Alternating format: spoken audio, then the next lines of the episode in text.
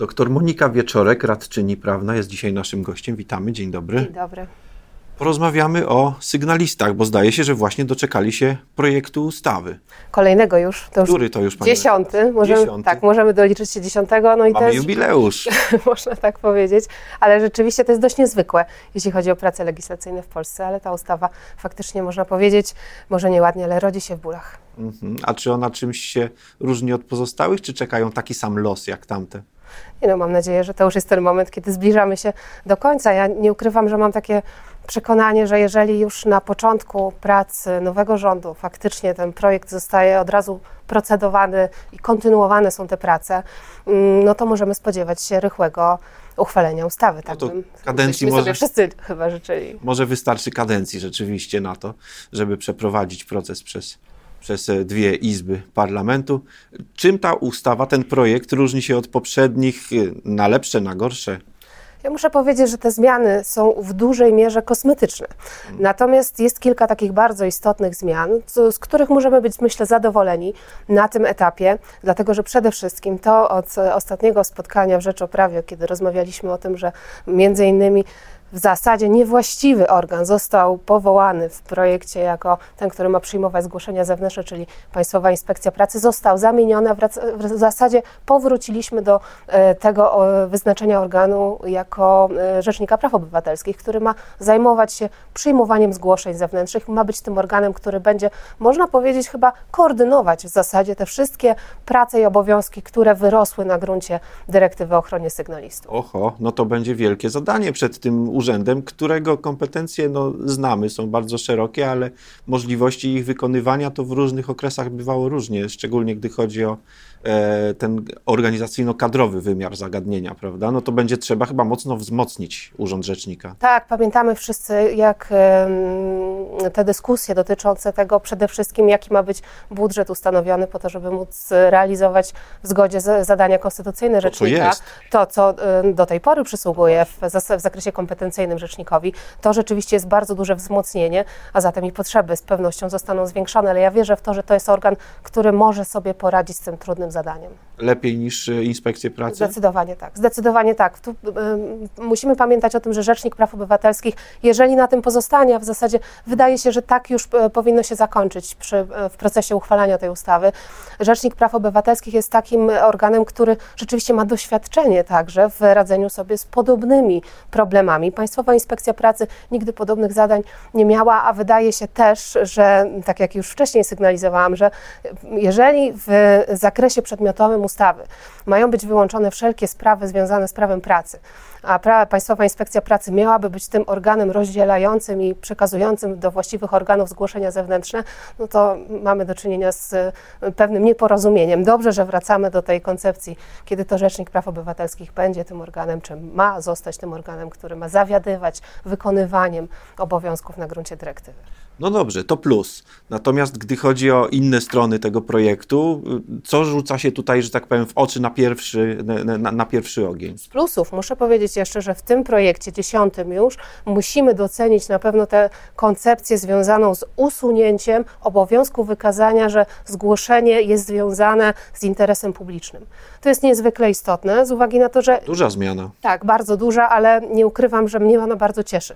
Dlatego, że niejednokrotnie myślę, gdyby pozostawić ten aspekt i tą przesłankę konieczności wykazywania działania w interesie publicznym, mielibyśmy do czynienia z wykluczeniem, wyłączeniem ochrony e, w stosunku do wielu osób, które zgłaszałyby takie zgłoszenia, które też trudno byłoby ująć, czy faktycznie one służą interesowi podajmy tylko przykład, podajmy czy przykład. także interesowi społecznemu. Ja tu muszę posłużyć się przede wszystkim e, tą kwestią związaną z prawem pracy, dlatego że musimy zwrócić uwagę na to, że faktycznie dzisiaj zdecydowana większość, kiedy jeszcze nie mamy ustawy, zdecydowana większość zgłoszeń naruszeń prawa dotyczy naruszeń prawa pracy. W szczególności mówię tutaj o mobbingu i dyskryminacji.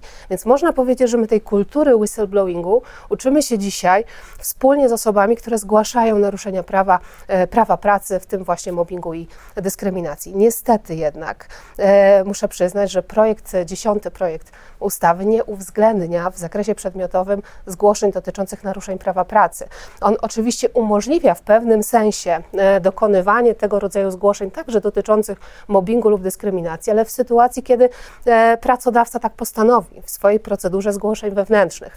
Natomiast nie jest to z pewnością włączone do zakresu przedmiotowego ustawy w taki sposób, żeby mogło to dotyczyć także zgłoszeń zewnętrznych czy e, e, ujawnienia publicznego. Dlatego to jest rzeczywiście duży mankament, a nie ukrywajmy, zgłoszenia dotyczące prawa pracy niejednokrotnie ten interes społeczny czy interes publiczny będzie przenikał się z interesem indywidualnym. Więc to jest taki przykład, myślę, który rzeczywiście jest bardzo, bardzo wyraźny.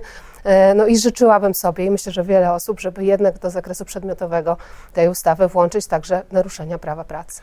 Ale może to jest tak, może, może autor projektu doszedł do wniosku, że skoro to się już dzieje, mimo że ustawy o sygnalistach nie ma, to nie, nie, nie ma potrzeby włączać właśnie tego obszaru y, do nowej ustawy, tak czy nie? To możliwe? Może oczywiście tak być, może taki cel przyświecać. Ja myślę, że takim sensem tego, że ten projekt dziesiąty się teraz wydarza i będzie najprawdopodobniej procedowany. Przypomnijmy, że w wykazie prac legislacyjnych ten e, czas e, przeznaczony na to, żeby e, Rada Ministrów przyjęła projekt ustawy jest wyznaczony na pierwszy kwartał obecnego roku, więc no, wydaje się, że rzeczywiście te prace są zakrojone w bardzo szybki sposób. Mhm. Natomiast trzeba też w tym kontekście powiedzieć wyraźnie, bo pojawiają się takie głosy, że ta ustawa, czy projekt ustawy, dotychczasowe projekty były niekompletne kompletne. Wielu kwestii nie uwzględniały. No, no mówię tutaj na przykład właśnie o tej kwestii prawa pracy, Aha. która też jest podnoszona. Okay. Natomiast e, ja szczerze mówiąc jestem zwolenniczką tego, żeby jak najszybciej uchwalić ustawę dotyczącą ochrony sygnalistów, bo gdybyśmy mieli teraz procedować od nowa, przemodelować zupełnie ten projekt ustawy, to myślę, że mogłoby, może nawet nie chcę tutaj być złym prorokiem, ale nie wystarczyć kadencji. Więc rzeczywiście te prace myślę, że dobrze, że przyspieszyły i nawet jeśli ta, ten projekt ustawy ostatni ma pewne e, braki, mogłoby jeszcze coś się wydarzyć tutaj, co tę ochronę by zwiększyło w duchu właśnie ochrony sygnalistów, tak jak to pojmujemy w nauce prawa, to faktycznie myślę, że że dobrze, że ten projekt się wydarza. Coś się może jeszcze zmieni na etapie procedowania tego Czyli projektu. Uchwalić, a potem poprawiać, uzupełniać, doprecyzowywać, ale najpierw uchwalić. Tak? tak, ale z tymi generalnymi zmianami, bo zdecydowanie wyłączenie interesu publicznego jako przesłanki do uznania, że zgłoszenie jest złożone zgodnie z, z regułami i, i po to, aby zapewnić sygnaliście ochronę i zmiana Państwowej Inspekcji Pracy jako organu przyjmującego zgłoszenia zewnętrzne na Rzecznika Praw Obywatelskich, powrót do tej koncepcji, to zdecydowanie są są te ruchy, które no, należy zaaprobować. Jasne. Pani doktor, ale e, pochylając się jeszcze na chwilę nad tym wyłączeniem właśnie kwestii interesu publicznego, czy to nie spowoduje, że koniec końców e, ta, ta ustawa stanie się e, podstawą prawną do załatwiania prywatnych interesików, jeśli, jeśli nie trzeba będzie już koniecznie wykazać, wykazać tutaj interesu publicznego? Ja myślę, że będziemy mieć w stosowaniu tego nowego prawa bardzo wiele problemów, niezależnie od tego, czy ta ustawa zostanie uchwalona w takim kształcie, jak obecny projekt, czy zostanie to jeszcze przemodelowane, poprawione, coś uzupełnione, dlatego że wiele e, przepisów tej ustawy jednak pozostawia spory dość margines do interpretacji.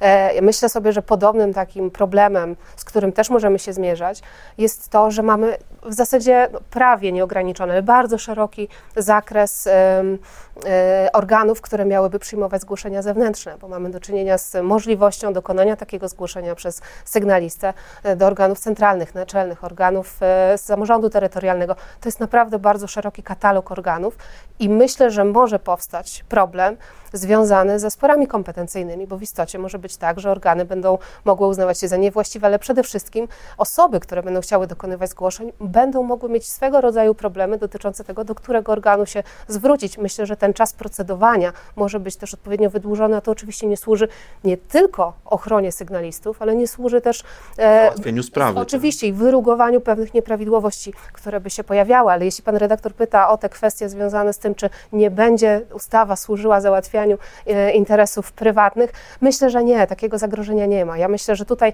nadrzędnym celem, który ten projekt, czy w ogóle ustawa będzie i powinna realizować, to zdecydowanie będzie udzielenie ochrony osobom, które dzisiaj boją się mówić. E, pamiętajmy o tym, że milczenie, a także milczenie swego rodzaju legislacyjne utrudnia znacząco e, dokonywanie też kontroli prawa. Pamiętajmy o tym, że mechanizmy whistleblowingowe służą wzmocnieniu e, pozycji państwa, wzmocnieniu e, mechanizmów kontrolnych, zaufania obywatela także do organów państwowych.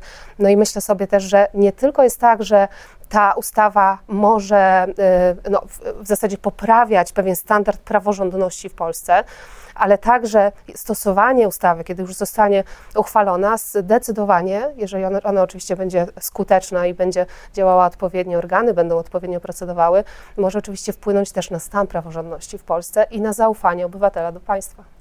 A nie na terror praworządności, jak to ujął pan prezydent ostatnio. No, dość, prawda, sformułowanie, myślę, nieodpowiednie. No, przejdzie do historii. Tak, zakładam, że przejdzie do historii. A wracając jeszcze na chwilę do e, sygnalistów, może oni będą teraz do wszystkich świętych pisać po prostu, bo jeśli rzeczywiście pani mecenas wspomniała o ważnej sprawie, że pojawią się spory kompetencyjne, kto się ma czym zajmować, no to sygnalista na wszelki wypadek wyśle do wszystkich, tak? I, i, i wtedy co? No przede wszystkim projekt obecnie zakłada, że fa faktycznie y, w każdej sytuacji można zwrócić się ze zgłoszeniem zewnętrznym do Rzecznika Praw Obywatelskich jako tego organu, można powiedzieć, rozdzielającego e, zgłoszenia. I to on wskaże, tak? Kto się ma zająć? Tak, i przede wszystkim e, Rzecznik Praw Obywatelskich Obywatelskich w tym ujęciu, które mamy teraz, w pierwszej kolejności dokona weryfikacji wstępnej, czyli sprawdzi, czy faktycznie zgłoszenie dotyczy naruszeń prawa, które są objęte zakresem przedmiotowym ustawy, a po drugie e, przekaże do właściwego organu. Tylko myślę, że tutaj też mogą się pojawić praktyczne problemy związane z tym, który organ faktycznie jest właściwy. Myślę, że pożądane byłoby zawężenie jednak katalogu organów, które miałyby się zajmować tego rodzaju e, zgłoszeniami, je rozpoznawać. Mhm. Jak pani myśli, pani doktor, ile osób w biurze rzecznika będzie potrzebne, żeby ogarnąć tę sprawę e, no, w skali kraju, bo mówimy o przedsięwzięciu ogólnopolskim, gdzie sygnaliści no, już dzisiaj funkcjonują na zasadach zupełnie wolnoamerykanki, no, z powodu braku ustawy po prostu, wykorzystując te instrumenty prawa, które, które są na stole. E, a jakby to tak sumować i, i zastanowić się, jaka jest skala w, no, no, no, w całym naszym kraju i jak wiele będzie tutaj aktywności rzecznika na to poświęconej. No, gdybyśmy mieli teoretyzować, to ja bym powiedziała bardzo dużo, bo zakres przedmiotowy y, dyrektywy w ogóle jest bardzo, jest bardzo szeroki, więc z całą pewnością wzmocnienie organizacyjne, administracyjne, czy też w zakresie budżetowym rzecznika y, jest pożądane. Natomiast ja muszę powiedzieć tak, Zwykle, kiedy na przykład wdrażamy wewnętrzne procedury zgłaszania nieprawidłowości, w tym dotyczące naruszeń prawa pracy, pracodawcy spodziewają się, że nastąpi lawina zgłoszeń, że wraz z uruchomieniem tych no mechanizmów właśnie. pojawią się zgłoszenia i osoby, które czekały na to, faktycznie będą mogły ze swojego uprawnienia w sposób bezpieczny skorzystać. Ale nie zawsze się tak dzieje. Nie dzieje się tak, kiedy pomimo tego, że mamy jakiś mechanizm, który umożliwia dokonanie zgłoszenia i rozpoznanie tego zgłoszenia, e, nie działa i nie cieszy się zaufaniem. Więc ja myślę, że tutaj nie musimy musimy i myślę, że nie powinniśmy nawet spodziewać się lawiny zgłoszeń, bo zanim e, osoby zgłaszające zaufają w te instrumenty, e, uznają, że faktycznie są w bezpiecznych warunkach do dokonania zgłoszenia, to minie trochę czasu. Więc nie tylko ustawa. To nie jest tak, że wraz z ustawą nagle okaże się, że my mamy e, doskonałą kulturę whistleblowingową i, i cieszy się ta ustawa zaufaniem.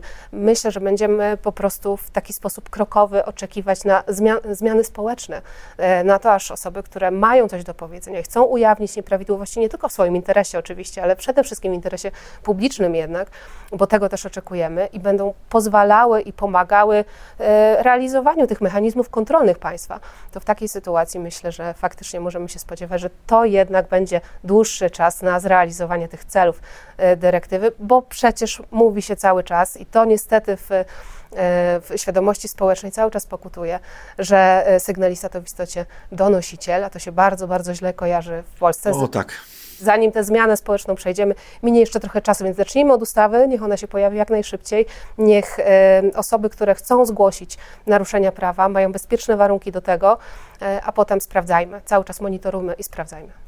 A potem się okaże, że jednak to nie jest donosicielstwo, tylko coś naprawdę dobrego. Tego byśmy sobie chyba życzyli. Myślę, że do tego dojdziemy, ale potrzeba czasu. Bardzo dziękuję za to spotkanie. Dziękuję. Doktor Monika Wieczorek, radczyni prawna, była naszym gościem. Dziękujemy.